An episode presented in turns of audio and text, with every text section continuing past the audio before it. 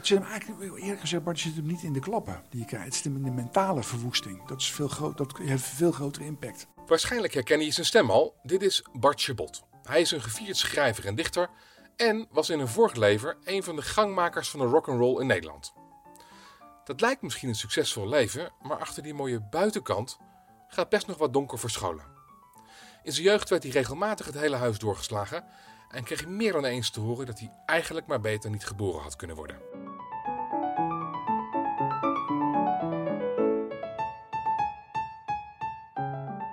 Je luistert naar Podcast Ui, de plek waar we schilverschillend leven afpellen en met de snippers van die ui het hele leven op smaak brengen. Mijn naam is Basti Barancini en in elke aflevering praat ik met iemand die naar de hel ging, maar ook weer terugkwam met prachtige levenslessen. Aan hem of haar stel ik de vraag: welk licht vond jij in het donker?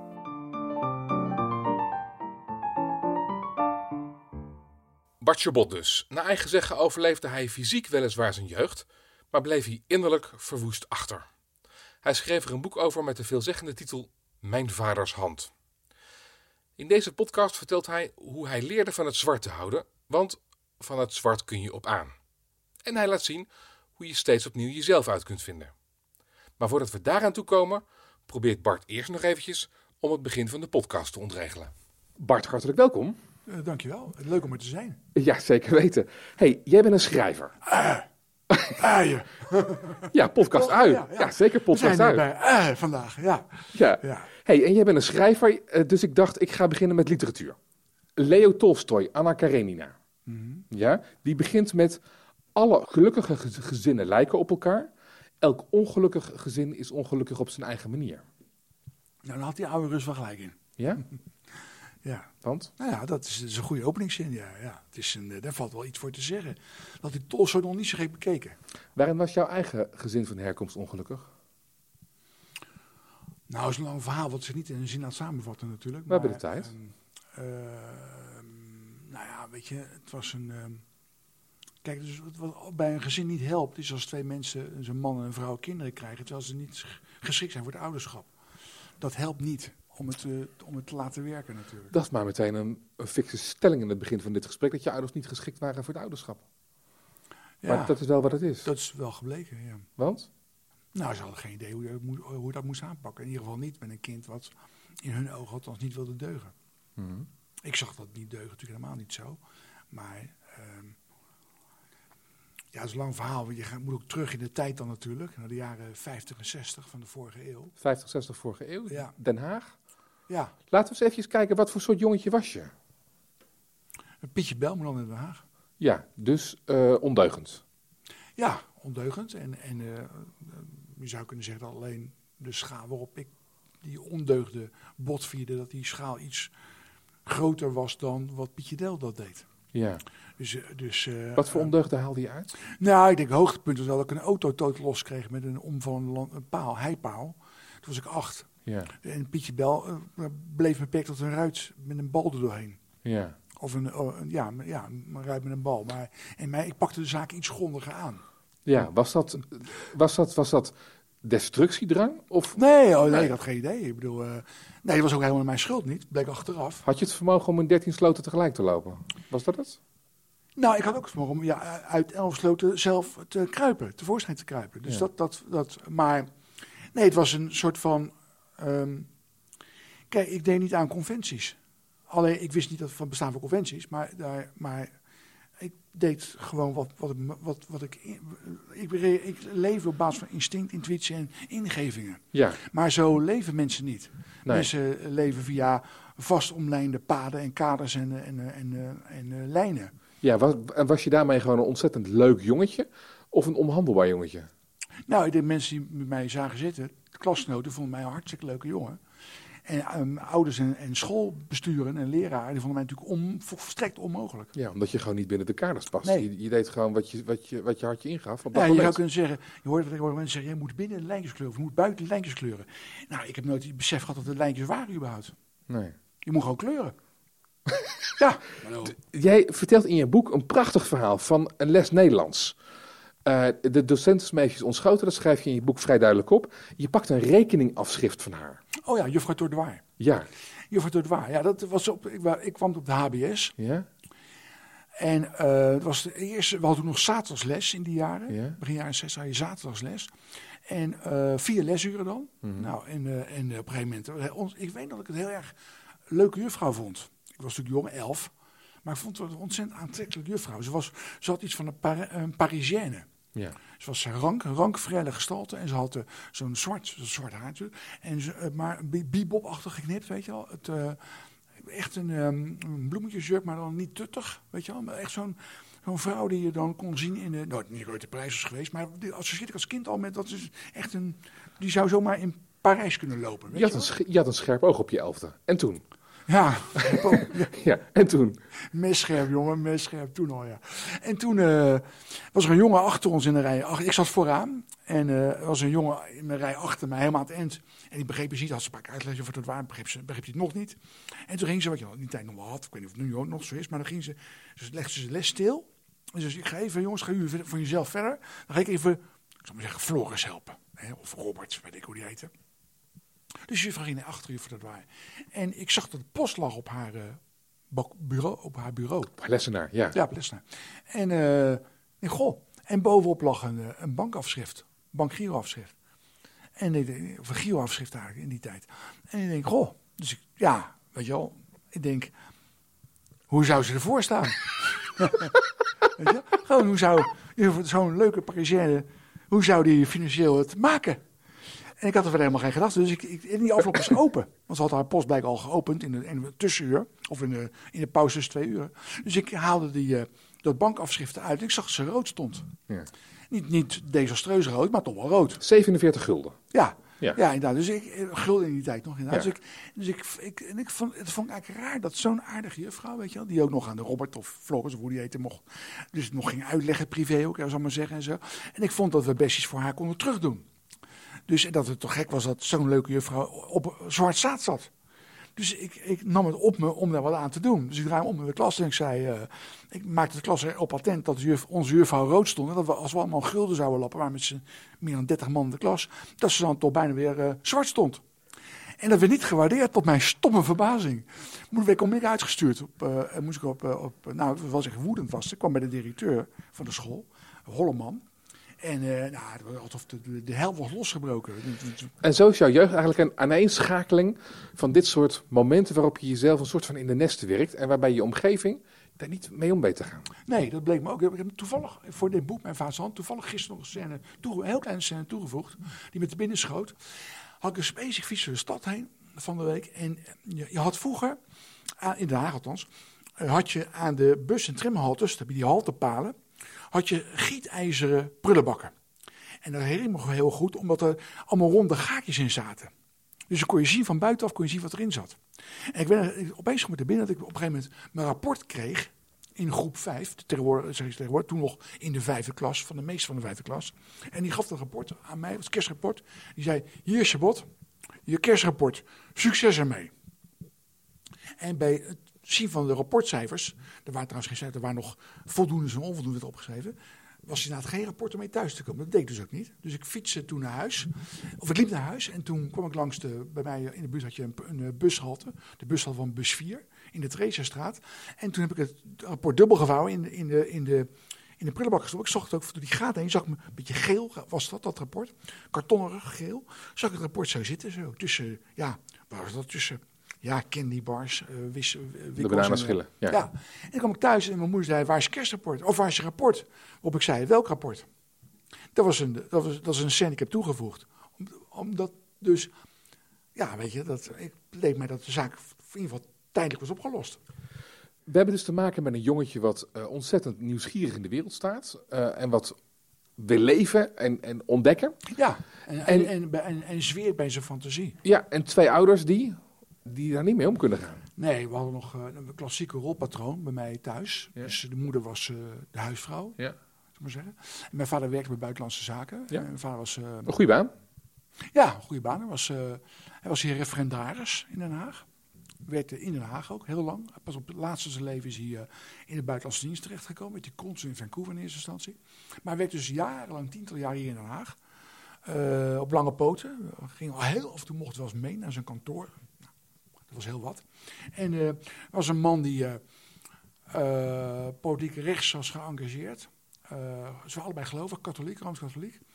Ehm, dat betekende toen nog iets, zal ik maar zeggen. Ook in het gezin. Er werd ook gebeden voordat we aten. En we gingen ook biechten. We hebben katholieke school, we, ik moest ook biechten en zo. Ik moest je je zonde opnoemen. Ik had wel weer een enorme klus om te bedenken wat ik dan misdaan had. Ging ik vaak ook bij alle klapstoten vragen van, eh, wat ga jij zeggen? Nou, fiets in het water. Oh ja, goeie kan ik ook doen, weet je. Dan, nou, toch een beetje, je, je moet wel een paar zondes komen. Als je zegt, je, moet je zeggen, eerwaarde vader, dit zijn mijn zondes. En zijn ze hockey komt, je zegt, eerwaarde vader, zou het God niet weten. Ja, wel. Dat, komt, dat ondermijnt je geloofwaardigheid bij zo'n priester. Dus, dus, eh, dus mijn vader was, we waren gelovig thuis, Rooms-Katholiek. En mijn vader was recht, rechts, eh, politiek rechts, hem kunnen plaatsen. En autoritaire man. Ja, autoritair betekent dat er ook... eh, Nou, er was weinig ruimte voor andere geluiden. Dus En hoeveel ruimte was er voor jouw eigenzinnigheid? eh, geen. Nee. En hoe werd ermee omgegaan? Niet. Dat kan niet, want Nou ja. als, als het eh, Het werd eruit geramd. Dus dat bedoel ik niet. eruit geramd, dat slaat ook op de titel van het boek. Ja. Mijn vaders hand. Ja. Hoeveel slagen heb je gehad? Mag ik... Nou, ik heb het tel niet bijgehouden, maar het waren er in ieder geval genoeg. Om niet te zeggen te veel. Los van je kinderen überhaupt niet moest slaan natuurlijk. ja. Mag je spreken... Het, mag, het, zit, het zit hem eigenlijk, eerlijk gezegd, maar het zit hem niet in de klappen die je krijgt. Het zit hem in de mentale verwoesting. Dat, is veel groot, dat heeft veel grotere impact. ja? Kun je daar iets Ja. over vertellen? Nou, de essentie, de essentie van mijn opvoeding was dat mijn vader, en in mindere mate mijn moeder, me duidelijk maakte dat, eh, dat er van mij niks deugde. En dat ik een stuk verdriet was en een misbaksel. En ik beter niet geboren had kunnen worden. Nou, dat, dat, als je dat dag in dag uit hoort, dan is, en dat jarenlang, dat, is, wat, dat vernietigt je ego. Ja. Dat vernietigt je zelfbewustzijn. En dat vernietigt, in feite, vernietigt het alles wat je bent. En dat is, dat, dat, dat, dat is, dat, de, en do- ik heb, maar ik heb, een, ik heb als kind op een gegeven moment ontdekt dat ik een, ik kon iets doen waardoor ik er onderuit kwam. eh, waardoor ik een soort van kon ontsnappen. Maar dat, is natuurlijk, dat, is, dat ontdek je niet zo heel erg gauw. Dat kost je jaren. En dan, en dan is de verwoesting wel aangericht. Dus, dus laten we zeggen, de mentale... En die, en die verwoesting die bestaat, want het, het, is gewoon letterlijk dat je ouders, eh, en met, ook je moeder, tegen je zegt, hadden, gewoon, hadden je nooit moeten maken. Ja. Je had nooit geboren moeten worden. Ja, nou, dat vonden ze ook. Dus uit wat dat betreft spraken ze wel de waarheid. En met een innerlijke verwoesting tot gevolg. Ja, dat zagen zij natuurlijk niet zo. Zeg maar, als kind wat niet wilde deugen, dus wie niet wil horen wil, zei mijn moeder, vaak, wie niet horen wil, moet me voeden. Hoe groot is de verwoesting in jou? Toen je nou, zeg ja, maar, nou ja, nou, zo, laten we het zo zeggen, dat, eh, toen was dat wel eh, behoorlijk groot. is, dat, is, dat, is dat onherroepbaar? Of is dat, is dat on- Nee, dat, dat blijkt wel, want ik zit tegenover jou en jij stelt mij vragen. En, eh, dus ik heb blijkbaar je interesse kunnen wekken met mijn werk. En, dus ik heb hem wel weten te redden op de een of andere manier, maar dat heeft wel even gekost natuurlijk. Ja. Je zegt van, ik heb de weg naar boven weer, weer gevonden, of de weg naar, naar buiten. Hoe heb je dat gedaan? Nou, ik heb ontdekt dat je jezelf kan heruitvinden. Nee, al- als kind ontdekte ik, de eerste grote ontdekking was dat ik eh, eh, kon. Ik merkte dat ehm, eh, als er dus weer een conflict was thuis en mijn vader greep in, laat ik maar even midden wat daarmee dan, hoe dat ingrijpen dan uitpakte. Waar, waarom in het midden laten? Eh, Nou ja, dat kan natuurlijk zijn eh, fysiek, dat kan Ja. zijn mentaal, weet je wel. In allebei de gevallen ontdekte ik op een gegeven moment dat je, je kon eraan ontkomen door eh, in je hoofd alles uit te zetten. Dus je zou kunnen zeggen, je hoofd, je hersenen zijn een soort van circuit die je hebt eh, ingeplucht in een stopcontact. En je kan de stekker eruit trekken en dan eh, gaan alle systems gaan down. Dus ook het gevoel. Dus dan, dan word je een soort van eh, lode pop. Ja, dit is wat ze ook dissociëren noemen, toch? Je bent Ja. gewoon weg. We hebben gewoon weg. Ja. En op het moment ophoudt dan, eh, en je kan weer naar je kamer of je kan, je hebt een escape route. Ik heb op een gegeven moment besluit om, om de stekker in het stopcontact te steken. En dan gaan de, de lampjes gaan weer aan, zal maar zeggen. Eh, en op die manier raakt het je minder. Dat is eigenlijk een overlevingsroute die je leert ontdekken. Je zegt overleven. Dat ook, Dus ja, dat is de ene kant, het overleven. En de andere kant is dan, dat is nog niet, overleven is één ding, maar dan een zinvol bestaan opbouwen is wat anders. En, da, en da- daartoe ontdekte ik dat je jezelf kan heruitvinden. Mensen zijn nooit maar één ding. maar dat kwam pas veel later. Ja, dat, later, dat, eh, dat heruitvinden. Je zegt net overleven. Dat is precies het, wat, ik, wat ik dacht bij het lezen van dit boek van jou. Hoe heb je het overleefd? Ja, dat van me af af en toe ook wel af, ja. Nou ja, ik oh, heb het overleefd in essentie door mijn fantasie. Ehm, dat is een sleutelzin uit het hele boek, denk ik. Dat ik het redde eh, dankzij mijn geloof in Sinterklaas in toverballen. Ja. Dat is eigenlijk... eh, ehm, wat bedoel je daarmee? nou, dat bedoel ik mee dat, kijk, je hebt natuurlijk heel veel mensen die denken dat God bestaat of Allah of Yahweh. Ik heb heel weinig mensen die geloven dat Sinterklaas bestaat. En ik ontdek dat Sinterklaas wel bestaat, maar God, Yahweh en Allah niet. Ehm, en dan wordt altijd natuurlijk tegen ingebracht dat Sinterklaas een afspraak is. Maar natuurlijk, de, de meeste dingen in het leven zijn afspraken. Ehm, tijd is een afspraak. De kalender is een afspraak. Dat wij dit een tafel noemen, voor de luisteraar, dit tik op de tafel. Dit noemen wij geen bed. Als je, als je, niet tegen elkaar, zullen, we- het bed even naar het raam verschuiven om meer licht te hebben? Nee, de tafel, weet je wel. Dus taal is een afspraak. Dus heel veel, bijna alles in het leven is gebaseerd op afspraken. En ze- da- daarmee bestaat het ook. Dus Sinterklaas zien we elk jaar boven water komen. Niet waar, op televisie, noem maar op al. Dus, dus, dat, dus die is er. Terwijl God, ja, weer alles, hier nooit. Welke afspraken maakte je dan zelf in je hoofd om te kunnen overleven? Nou, ik, ik ontdekte dat ik, dat ik met de fantasie in een, in een maar dat zijn allemaal woorden die ik later pas bedacht natuurlijk, maar niet toen. Maar ik, ik, ik kon weg in mijn hoofd, in mijn fantasie. Dus je, je gaat leven in een parallel universum. Je creëert je eigen wereld. Door heel veel verhalen te maken hoofd. Verhalen te maken en, eh, en, eh, en, eh, en eh, verhalen te vervormen en dingen te beleven, avonturen op te zoeken. Ja. En ik, ik heb op een gegeven moment, maar dan ben je wel verder, natuurlijk had ik een, natuurlijk ontzettende. Er ging voor mij een heel grote aantrekkingskracht uit van mensen met een rafelrand. Mensen die het avontuur. Kijk, wat ik ontdekte ook heel snel al was, of heel snel, maar rock'n'roll. En, en daar ontdekte ik dat er dus, zal maar zeggen, wie ik was. En Een kind wat tot, tot excessen neigde, althans in de ogen van anderen, en tot eh, zo'n uitbundige levensstijl, uitbundige, in alles uitbundig zijn. Dat werd dus in het burgerlijk bestaan werd dat eruit geramd en eruit geranseld. Maar in de rock'n'roll werd dat juist enorm gewaardeerd. Over de rock'n'roll wil ik zo direct eh, uitge uitgebreider met je eh, Ja. spreken als je dat oké vindt. Het is, een, het, is, het is een buitengewoon beklemmend beeld wat er eh, naar voren komt. Ook het beeld, we krijgen de indruk dat misschien ook wel de dood niet ver weg was. Nee, dat klopt ook wel. Als kind zijnde. Ja, nou, de dood is natuurlijk de ultieme uit, eh, ontsnappingsroute natuurlijk, omdat er geen weg terug is daarna. Dus dat was een aan- aantrekkelijke, aantrekkelijke optie, ja, lange tijd. Ja. Heb je dat overwogen? Nou ja, dat, was, dat, dat, dat speelde natuurlijk wel ja, in je gedachten. Dat je dan overal, echt overal vanaf was. Waar je het ook over hebt met regelmaat is innerlijk overlijden, innerlijk sterven. Ja, dat, dat is wat ik bedoel met die circuits allemaal. Al, alle circuits down. Dus alle lampjes gaan uit op alle mogelijke dashboarden die je in je hebt. En dan, eh, ja, dan voel je niks meer. De- nog pijn, nog eh geestespijn. Op die manier kan je... is ook een overlevingsmodus, om maar zeggen.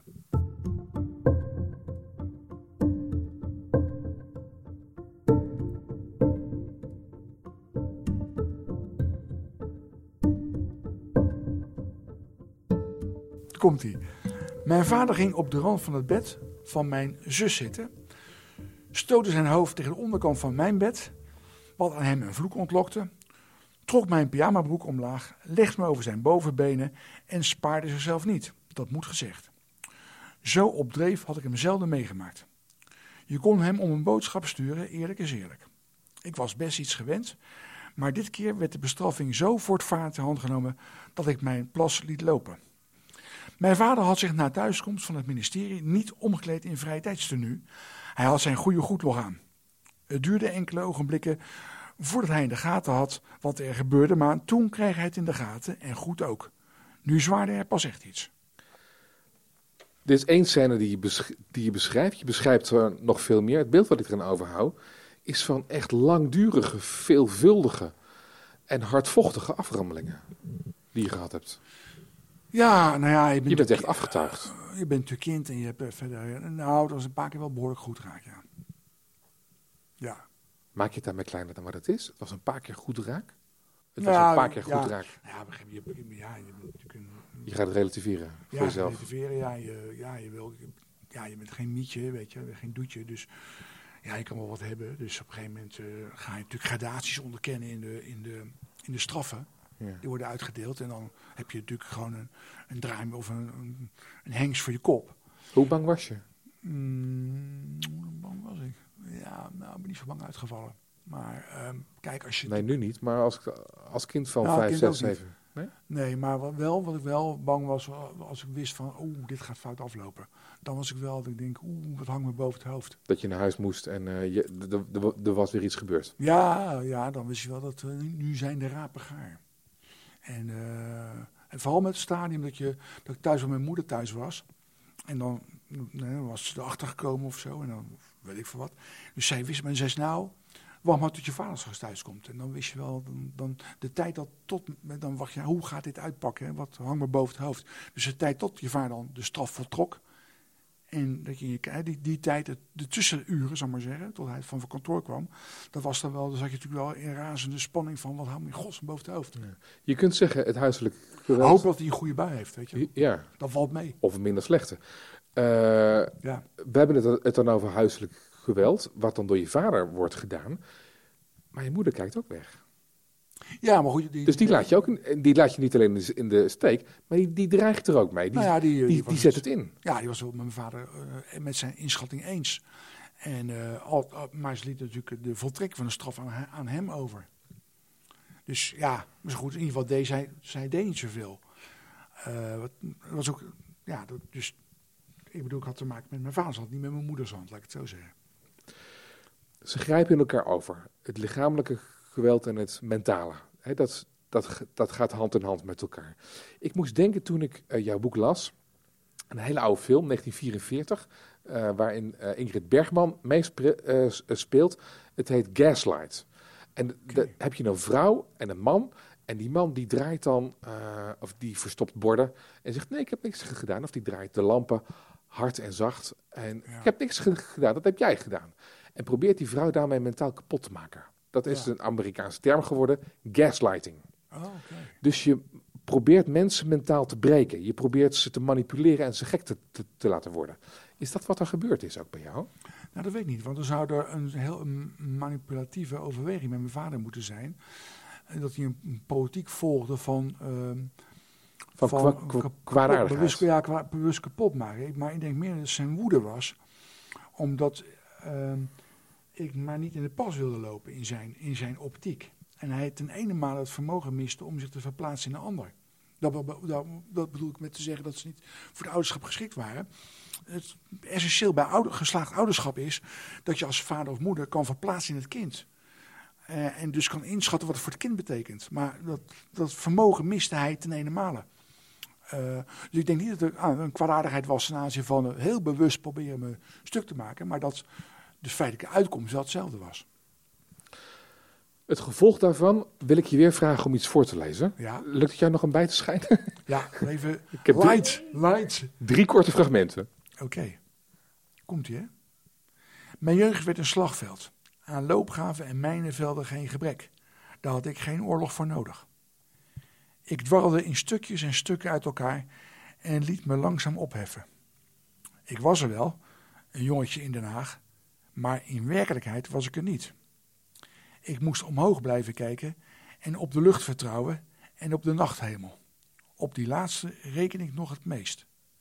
Ging de keus tussen de sterren en het zwart, dan koos ik zonder aarzelen voor het zwart. Wat glansde, fonkelde en glinsterde had me vaak genoeg teleurgesteld, maar het zwart had me nooit in de steek gelaten en was altijd bereid me op te nemen en terug te voeren naar waar ik vandaan kwam. Van het zwart kon je op aan. Van het zwart kun je op aan. Ja, dat is er altijd. Is dit de plek waar je nachtmens geworden bent? Een zoon van de rock and roll? Nou, ik vind zwart eh, sowieso, ja, dat bevalt me uitstekend. Ja. De kleur of het gevoel? Of, eh, Kleur en gevoel allebei. Ja, vind ik uit, uit- uitermate comfortabel. Wat spreek je aan? Nou, je, dat, dat je, dat is, het is een kleur en een, een, een, hoedanigheid met alle flauwekul uitgebannen is. Dus het is back to basics, vind ik zwart. En dat kan je van bloempjes over hem toch niet echt zeggen. Basti. En het gevoel. Wat, wat, wat, doet het gevoel met je? Welk gevoel? Nou, Het, ge- het gevoel zwart. Wat voor gevoel is dat? Nou, dat je, eh, eh, eh, dat je, laten we zeggen, dat je illusieloos, maar vol verwachting het leven instapt. Weet je, dus het is, je, hebt geen illusies. Die Is het een grote aanwezigheid of, of afwezigheid van dingen? Beide. Het is een grote afwezigheid van sommige dingen, maar een grote potentiële aanwezigheid van andere dingen. Dus je, het is een soort van, een soort van idealisme en optimisme wat in diepste wezen gefundeerd is in, in realisme. Je, hebt de, je hebt een vrij aardige, vrij aardige kijk op de wereld kunnen ontwikkelen. En de, de fundamenten waarop het bestaan geschraagd is, wel, wel kunnen doorgronden. Eh, maar dat neemt niet weg dat je met, met veel levenslust vervolgens het leven gaat leven. Want s'nachts zit ook de levenslust. Ja, maar ja, aan levenslust heb ik nooit een gebrek gehad eigenlijk. Wat, wat, wat haal jij in de nacht wat, overdag, wat je overdag niet kunt halen? Of kunt beleven? Nou, ehm, Want je, bent, want je bent ook een enorm nachtdier geweest Ja. met, ja, met- nog wel. Ik lig nog, eh, met Herman en, eh, Ja, en met Jules ja. Deelder. Zeker, ja. Nou ja, kijk, s'nachts valt heel veel weg van de ruis van alle dag. Dus, dus Het decorum, de bullshit. Ja, de, alle- de- alles, ja. Bijna alles eigenlijk. Weet je, niks doet het meer. Iedereen ligt te, heeft zich te rust te begeven. ja. En dat, dat is eh, voor mij een heel vruchtbaar stadium. Eh, S'nachts is er eh, ook vaak drank en drugs. En dan is het juist verneveling.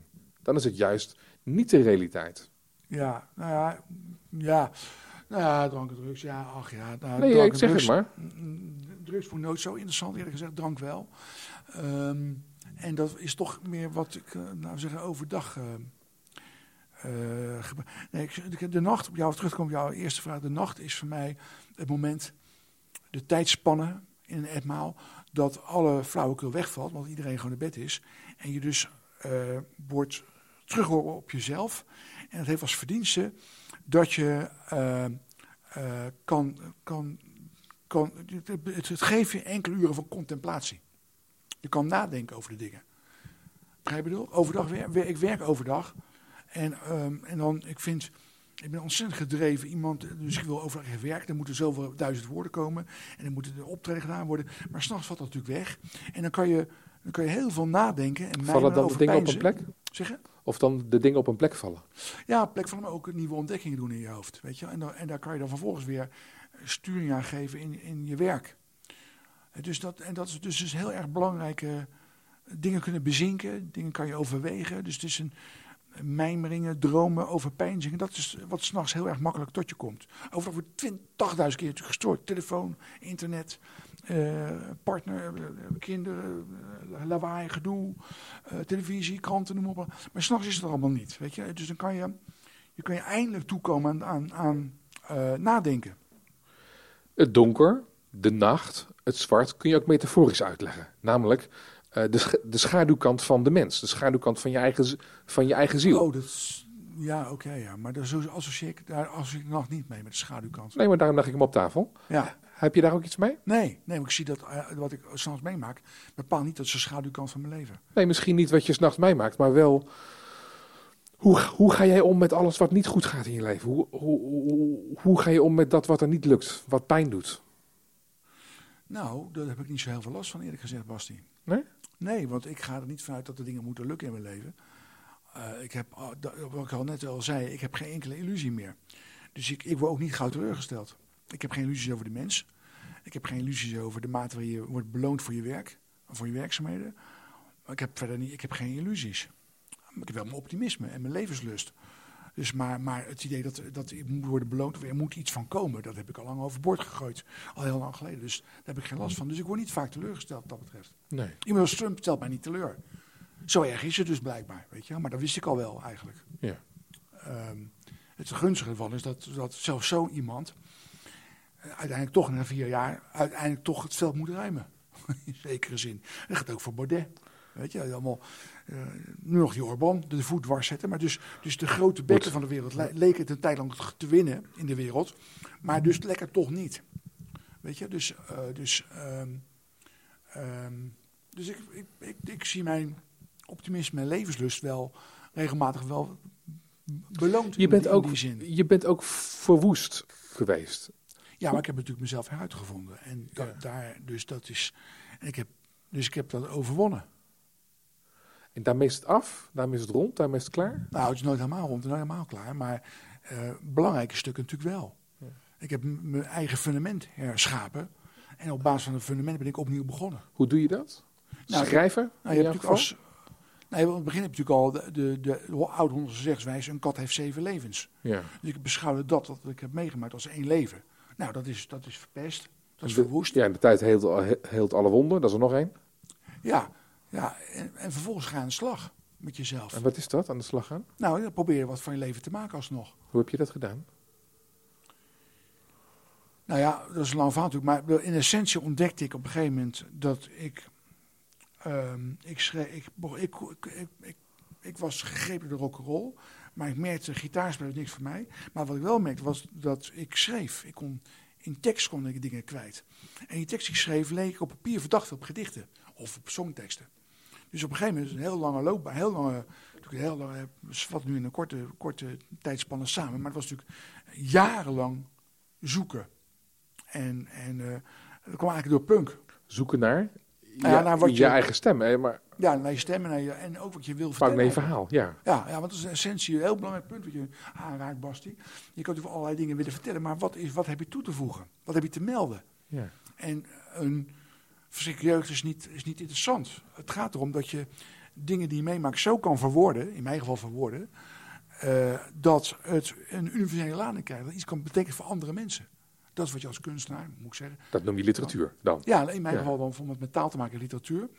Ben je muzikant, dan is het rock'n'roll. Of eh, ben je cineast, dan is het de film. Wat is jouw boodschap? Wat, heb Nou- jij, wat heb jij de wereld ingebracht?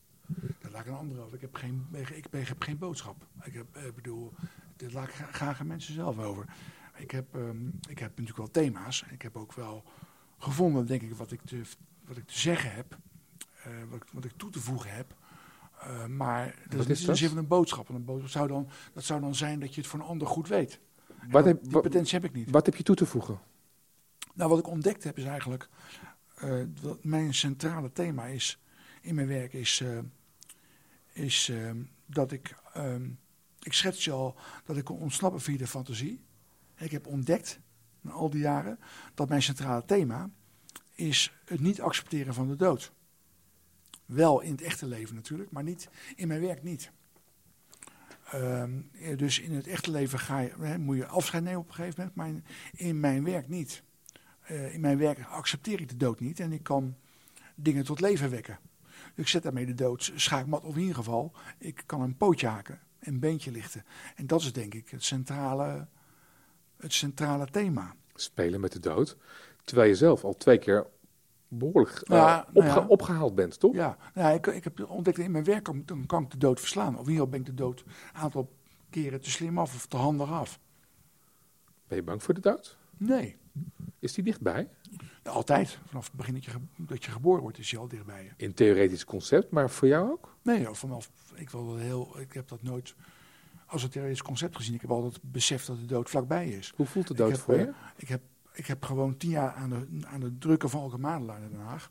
En ehm, bij een hospita. En dat is een heel drukke verkeersader van deze stad. Die voert vanuit, laten we zeggen, vanuit het oosten, Utrecht. Voert via Gouda, Voorburg, Den Haag in. En dan ga je in één keer door naar Scheveningen. Dus een hele belangrijke, hele drukke weg. En ik woonde daar tien jaar aan. En ik heb gezien dat de dood vlakbij is. Want het is namelijk ongeveer drie centimeter. Je gaat aan de voet aan de rand van de stoep staan. En je wacht tot aan de links van je, waar ik woon, woon bepaal ik door de verkeerders van links kwam, aanstormen. Wacht tot het stoplicht op groen gaat. En dan komen drie rijen auto's komen op je afgedenderd. En dan, eh, of je kan in het midden van op de, een heel smalle vluchthaven heb je daar. En dan kan je van de andere kant. Dus dat is Bart, op het moment dat je naar buiten kijkt, dan zie je dat gebeuren. Eh, daarnaast is er iets wat altijd zou kunnen gebeuren. Op, op, op, op welke manier speelt de dood een rol in, jou- in jouw leven nu? nou, de- Je bent twee keer ernstig ziek geweest, ja, klopt. Nou, bijvoorbeeld. daarom, dan, dan kloppen ze op de deur. ja, ab- absoluut, ja. Maar, maar heb, je, heb je open gedaan? nee, want, want de dood komt niet binnen via de deur. Namelijk? De dood komt door de muren heen. Je hoeft niet te kloppen op de deur of niet aan te bellen. Nee. Wat heb je gezegd tegen de dood? Toen Nou, we die, eh, hebben eh, volgens mij wel een duidelijke afspraak gemaakt, hoewel het contact wat eenzijdig was. Maar eh, ik, heb hem, ik heb hem laten weten in ieder geval, ik heb ook geen tegengeluid op me losgelaten, maar ik heb hem laten weten dat ik vrijwillig meega als mijn taak hier erop zit. En wie, en wie bepaalt dat? Nou, dat bepaal ik. Ja. Ja, niet hij. En kun je daar een reële zelfinschatting maken? Ja, dat, dat, dat- absoluut. Ja. Het is een, eh, kijk, dat geldt over, dat gaat om, op twee vlakken eigenlijk. Dat betreft het gezin. En ehm, ik, ik moet als vader natuurlijk het gevoel hebben dat de kinderen op een punt gekomen zijn straks dat ik met, ja, daar houd ik erop. Dus dat moet ze op eigen benen staan. Ja. Ik geloof dat dat punt aardig wordt bereikt inmiddels. Ja? En eh, met Jolanda, die is eh, drie jonger dan ik. Dus daar, Je vrouw? Ja, precies. Dus die kan ook eh, die kan het voor haar de balans opmaken. En dan de andere punt is mijn werk. En ik ben niet klaar. Dus Hoeveel, vind hoeveel wel- boeken moeten er nog? Nou, dus nog twee bij de serie waar ik nu aan begonnen ben. Na de volgende, na Hartritme. Dan eh, nog twee romans die er al liggen, al jaren op de plank. Eh, nieuwe gedichtenbundel. Ik wil nog één keer door al mijn gedichten heen gaan. Nou, dan, en dan, dan zijn, nou, dan hebben we wel een oeuvre van wat in ieder geval in omvang behoorlijk eh, aan, de, aan de dikke kant is. Dus dan zou je kunnen zeggen, oké, eh, heb je daar nog iets aan toe te voegen? Je moet niet een schrijver worden die maar doorgaat om het doorgaan. Hè? Dus, die Nee. zie je ook wel. Dus we, hebben, dus we hebben jou nog wel een jaar of 10, 15 onder ons. Ja, ja, of 10, 15. eh, Die heb ik wel nodig ongeveer.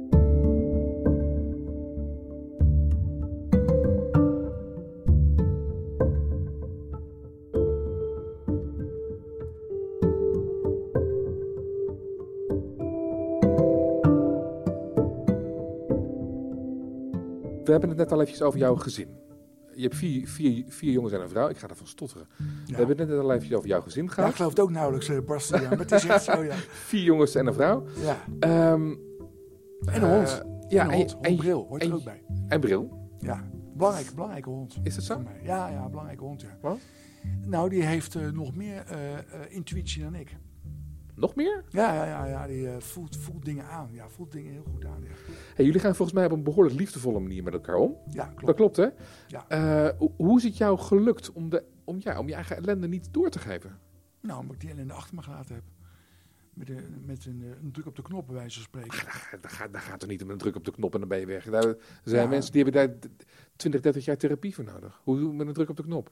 Ja, maar je gewoon al wel heel erg gauw kan onder, on- onderkennen dat het zo niet moet. Die opvoeding die ik gekregen heb. Dus de opvoeding van, Waren er neigingen om het door te geven? Om af en toe een, kla- een klap uit te delen, ik zeg maar wat. nee, dat zit helemaal niet in me. Als je dat allemaal meegemaakt hebt, ga je dat niet doen.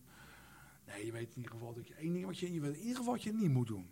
Dus, dus ik heb je Lama ingebracht hoe het, hoe het wel moest? Of heb je dat ook zelf ontdekt? Nee, we hebben ook de, zelf we hebben natuurlijk veel over gesproken, maar ook zelf, ik- wat ik al tegen je zei eerder staan van dit gesprek, dat je het ouderschap vereist dat je je rekenschap geeft wat er in het kind omgaat. Niet alleen wat er in jezelf omgaat, dat is niet zo erg interessant. Nee, het gaat erom dat je beseft wat er in het kind omgaat. En na, op basis daarvan kan handelen. En handelen wil ik niet zeggen slaan of, of, eh, of eh, verbal abuse. Nee, je gaat, dat is helemaal, heeft met abuse niks te maken. Je gaat je als vader of als ouder begint met het kind natuurlijk eerst, want dan begint het pas het ouderschap. Dus dan ga je kijken of voor het kind het beste is. We hebben het de hele tijd over ouders en kinderen. Verschillende generaties. Terugkijken en vooruitkijken. Soms denk ik dat we het ook een beetje het hele gezin van de herkomst overwaarderen. Als het gaat om de verklaring van onze hele, van onze hele zielepijn. Eh, jouw zoon Splinter schreef ook dit jaar eh, een mooi boek. Waarin hij eh, vertelt dat hij het leven ook even niet, niet meer zag zitten. Ja, Terwijl hij is opgegroeid in een warm nest. ja. Nou, zijn dat verbaast mij ook wel enigszins, eerlijk gezegd. Maar, want bij ons... Hij, Dus je hebt helemaal geen ongelukkig gezin nodig om ongelukkig te zijn. Nou ja, weet je, het is... Dat ligt iets complex. Kijk, zijn probleem was dat hij is eh, homoseksueel. Ja. En eh, het probleem daarvan was dat het voor Jolanda en mij, dus zijn vader en moeder, geen probleem was. Maar daarmee, on, da- dus bij ons, ik bedoel, ik, ik- Dat macht kein flauws uit om het op, op, Nee, op, op, ik- zijn mooi Haags te zeggen. ja. Nee. ik bedoel, iemands seksuele geaardheid doet er niet toe in mijn optiek. Ja. Weet je wel? Het, eh, Dus, eh, dus het was er niet. hè? Dus, het- dus het, het was er niet. Nou, dat was geen issue voor mij. Ja. Het punt is alleen dat voor Splinter zelf was dat wel een issue. En, eh, want hij ontdekte dat hij anders was dan de meesten. Omdat ze nou eenmaal minderheid vormen. En dat de samenleving gebaseerd is, ingericht is op basis van, laten we zeggen, meer heteroseksuele uitgangspunten. En dat, en dat je met name in het buitenland dat nog veel sterker merkt. Zoals nu natuurlijk onbestaanbaar, maar in Polen, een EU-land notabene, er LHBTIQ-vrije zones zijn. Jij beschrijft dat jij in jouw jeugd anders was dan de, de, de gebaande wegen. Jouw zoon in feite ook. Ja, maar Lijken jullie daarin op elkaar of is dat iets heel anders? Nee, dat is wel heel anders, ja. Want hij, kijk, bij mij was een soort van totale oorlog aan de gang. En een soort van verschroeide aardetactiek. En bij hem was het één ding, namelijk zijn seksuele geaardheid. Waarmee die hij moest accepteren voor zichzelf. En hij moest het ook ontdekken. Hij, hij ontdekte het maar geleidelijk aan voor zichzelf. En dat was eigenlijk zijn, zijn ding. Dus dat was gelukkig ehm, voor hem wel heel indringend. Maar dat was een, een deel van zijn hele identiteit. En niet zijn totale identiteit.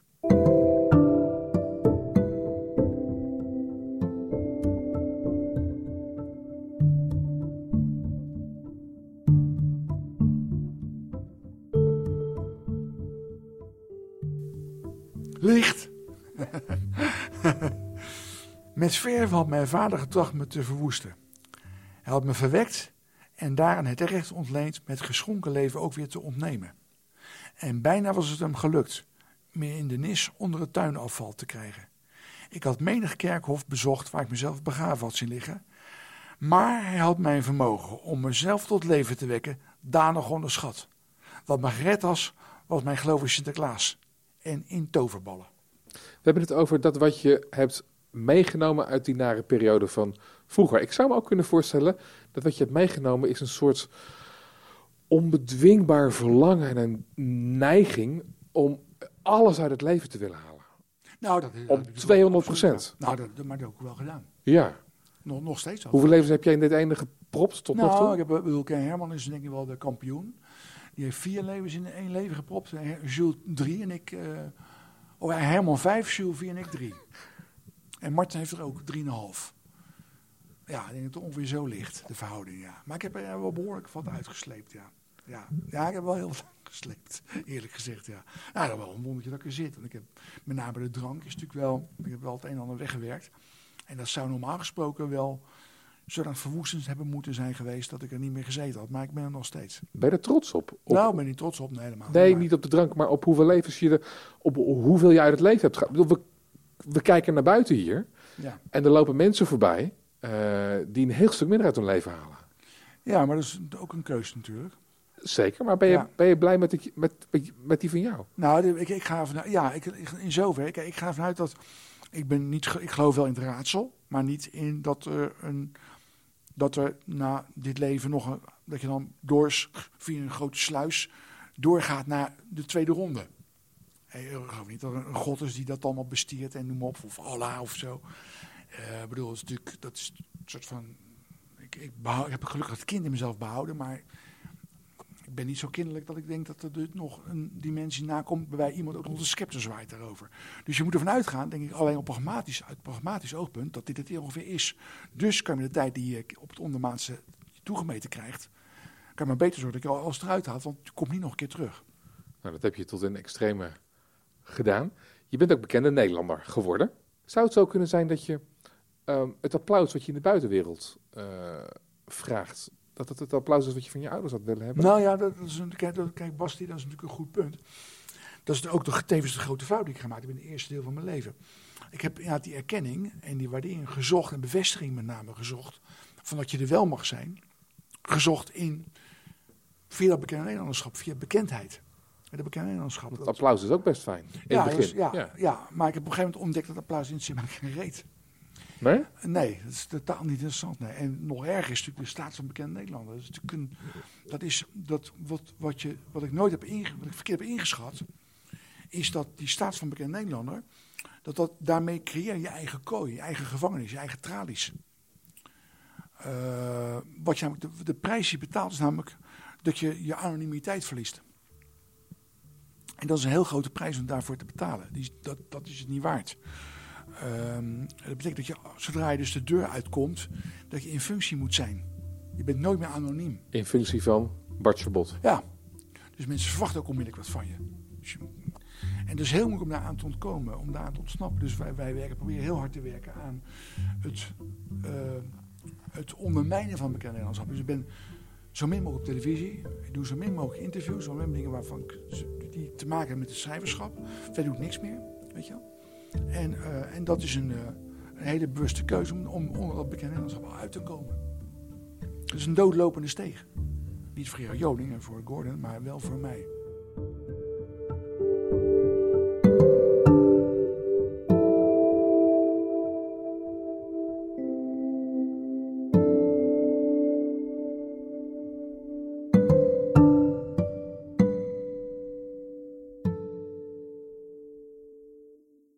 Ehm, hoe vervelend jij eh, jouw jeugd ook hebt beleefd. Allebei je ouders waren aan het eind van hun leven wel naar jou op zoek. Jouw vader droeg eh, krantenberichten bij zich die hij aan mensen voorlas. Eh, en jouw moeder die keek heel gelukzalig toen je bij haar op bezoek kwam, Ja. uiteindelijk. Wat betekent dat voor jou, dat zij aan het eind van hun leven nog naar jou op zoek waren? Ja, nou ja, weet je, dat is natuurlijk ook een tikkeltje makkelijk.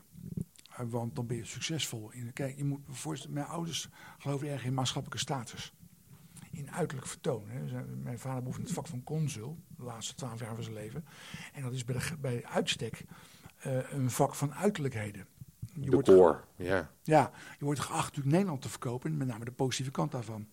Dus het is allemaal recepties, concreet, weet je wel, recepties, dinners, dinnerparties, ontvangsten, lunches, eh, golven. Eh, altijd ontzettend tegen golven. Nou, je weet nu met Trump wat, wat, wat, wat, wat je daarvan krijgt van te veel golven. je. Zij verachten jouw vrienden. Nou, wij- in die eerste periode. Mijn vrienden vonden ze gewoon, wat mijn vader ook zei, eh, vuile, vieze, smerige drugsgebruikers. Hè, dus, eh, dus er was, geen, nee, er was geen enkele... En een interesse in jou. Heb je Nou, het idee dat succesvol, dat te maken succesvol ja? werd, toen, eh toen eenmaal succesvol was, toen, toen opeens werd het weer interessant. Maar ja, dan, dan ben je natuurlijk, ja, dan, dan, dat was te laat. voor jou? Ja, voor mij wel. Dat ja. klinkt als een soort van. Een soort Ja. van eh, ja, ja, ja, kijk, bekijk het dan ook maar. Vriendschap, belangstelling, interesse en liefde op basis van succes. Dat is natuurlijk een, eh, een, eh, dat is, dat is een kwestie van ijsschotsen. Dus dat, daar trap ik niet in, natuurlijk. Nee. Is er vrede met jou en je moeder? Ja, ja, ik, heb, laten we zeggen, kijk, kijk toen ik haar terugzag. Het klinkt dus heel anders dan wat je net zei. Maar Nou ja, ehm, kijk, je moet, kijk, als je bij iemand sterfbed bent, eh, eh, moet je als moet je als zoon of als dochter over je eigen hang-ups heen stappen. En er ligt gewoon een uitgem- uitgemergeld oud vogeltje. Eh, waarvan als je de hand geeft en je knijpt iets te hard, dan breek je alle botjes erin. Dus je, dus, dus je knijpt niet te hard. Dus je gaat op een sterfbed niet meer verwijten maken. Dus dan ben je daar in één klap overheen. Ontdekte ik, weet je wel. is dat er in één klap overheen zijn? Ja, dan ben je voor haar in ieder geval. Als het verder kan je. Of is het een soort van beleefdheid? Ik kom mijn moeder, nou ja, ik, het is niet het moment om elkaar verwijten te maken. Dus ik, ik kon mijn moeder goed begeleiden op, in de laatste dagen van haar leven. En dat heeft haar heel veel rust gegeven om de dood op te zoeken en, en, en eh, in haar overtuiging mijn vader te gaan ontmoeten. En wat heeft dat met jou gedaan? Ehm, nou ja, niet, ik ben blij dat voor haar heb kunnen betekenen. Ehm, maar goed, dit is natuurlijk een. eh, ja. Kijk, de gevechten waren, waren al geleverd. De, het, veldsla, het slagveld was al verlaten door mij in ieder geval, weet je wel. En ik had mijn leven al opnieuw ingericht. Dus eh, ik, ben, ik ben blij dat ik moeder heb kunnen betekenen. Voor mijn vader niet. Mijn vader was eh, dement. En, eh, en, en die heeft... Heb je het niet meer gezien?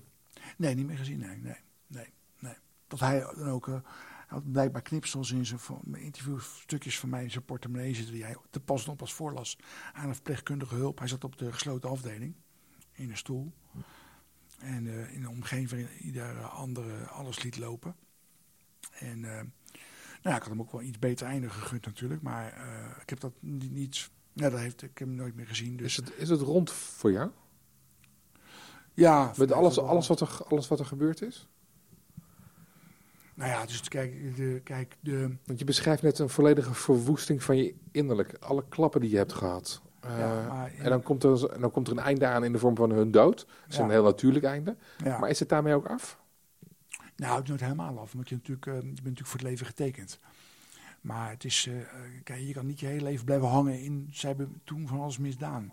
Dus je moet, niet- je, je, je kan, je moet zelf je leven ter hand nemen en er wat van maken. Je kan niet zeggen, mijn leven is mislukt achteraf, maar dat komt allemaal door hun. Nee, je leven is mislukt, mede door jouw eigen toedoen. Je moet, je kan, je, een vader en een moeder kan niet de schuld geven van je eigen falen. Je hebt ook We begonnen met- als- We, be- we begonnen met Leo Tolstoy. En dan, hebben we het nu, dan, dan haal ik nog even een andere hele grote schrijver aan. Ja, J.K. Rowling.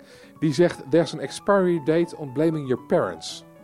Er zit een houdbaarheidsdatum o- aan, aan wat ja daar is nog- volkomen gelijk in. Ja, je, op een gegeven moment moet je ermee ophouden. Dus dat heb ik ook gedaan. Een jaar, een jaar of, dit denk ik, hoeveel lang geleden? Ik denk een jaar of eh 35 geleden ben ik daarmee opgehouden om te, om te zien dat daar de schuld ligt. Maar om te, ook te zien dat dus aan mij is om wat van mijn leven te maken. En die verantwoordelijkheid te nemen. En die wil ik uit nemen, ja. En, eh, en dat heb ik ook gedaan.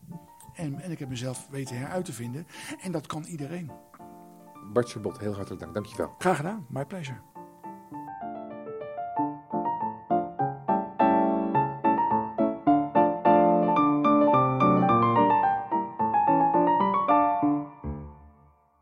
Wat leuk dat je luisterde naar deze aflevering met Bart Chabot. Als je de aflevering nou mooi vond, stuur hem dan vooral door naar mensen waarvan jij denkt dat ze hem ook leuk zullen vinden. Daar doe je ons een heel groot plezier mee, want zo bereiken we steeds meer mensen. Maar het allerbelangrijkste, dit was de eerste aflevering in deze nieuwe serie. Vanaf nu ontvang je vijf weken lang elke zondagmorgen een nieuwe editie automatisch in je podcast-app. Tenminste, als je geabonneerd bent. En als je dat om wat voor rare reden dan ook nog steeds niet gedaan hebt, dan is het misschien wel een goed moment. Volgende week hoor je trouwens het verhaal van Ticia Huisman. Ze werd in de jaren 90 verkracht in de Parijse modellenwereld, terwijl ze eigenlijk hoopte op de cover van de Vogue te komen. Ja, ik heb bijvoorbeeld eh, Jeffrey Epstein, ehm, die heb ik daar toen ook ontmoet. En die gaf mij toen ook wel een soort van, ja, nu, la, nu denk ik wel een heel dubieus carrièreadvies. Alles over de gebruikte muziek en over ons vind je in de show notes. En voor nu heel graag tot volgende week met weer een nieuwe aflevering. Dag!